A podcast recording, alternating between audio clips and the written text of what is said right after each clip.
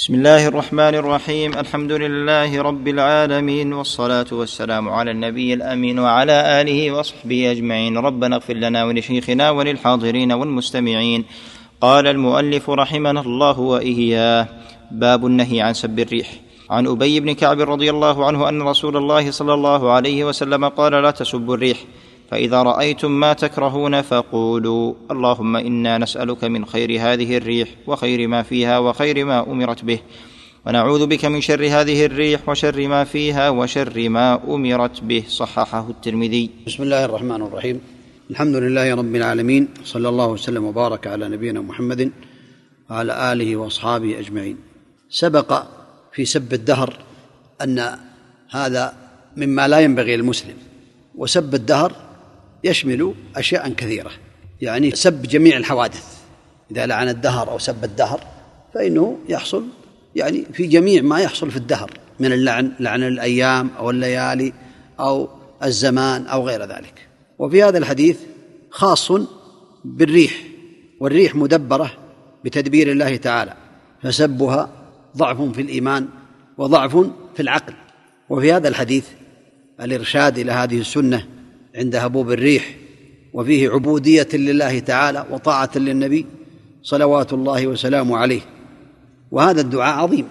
إذا هبت الريح فسأل المسلم ربه تبارك وتعالى بقوله اللهم إني أسألك من خير هذه الريح وخير ما فيها وخير ما أمرت به وأعوذ بك من شرها وشر ما فيها وشر ما أمرت به.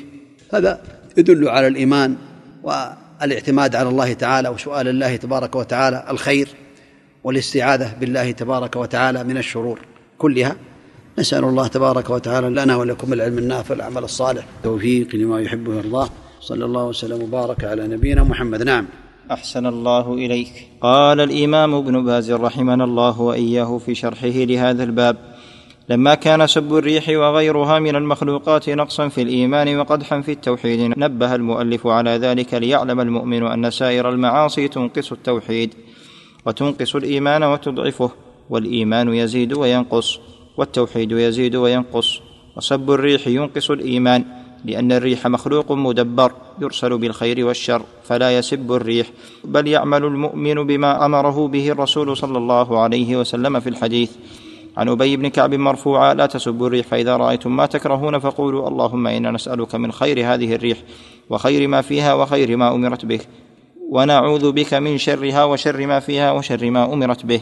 وجاء في الصحيحين عن عائشة أن النبي صلى الله عليه وسلم كان إذا عصفت الريح قال اللهم إني أسألك خيرها وخير ما فيها وخير ما أرسلت به وأعوذ بك. الحديث.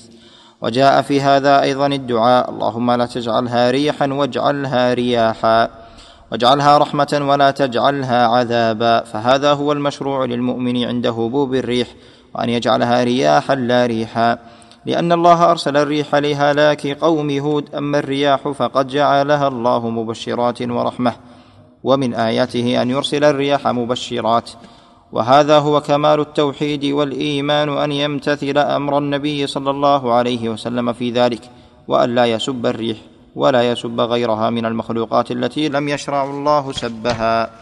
نسأل الله عز وجل لنا ولكم العلم النافع العمل الصالح وبالله التوفيق وصلى الله وسلم وبارك على نبينا محمد وعلى آله وأصحابه أجمعين. جزاكم الله خيرا.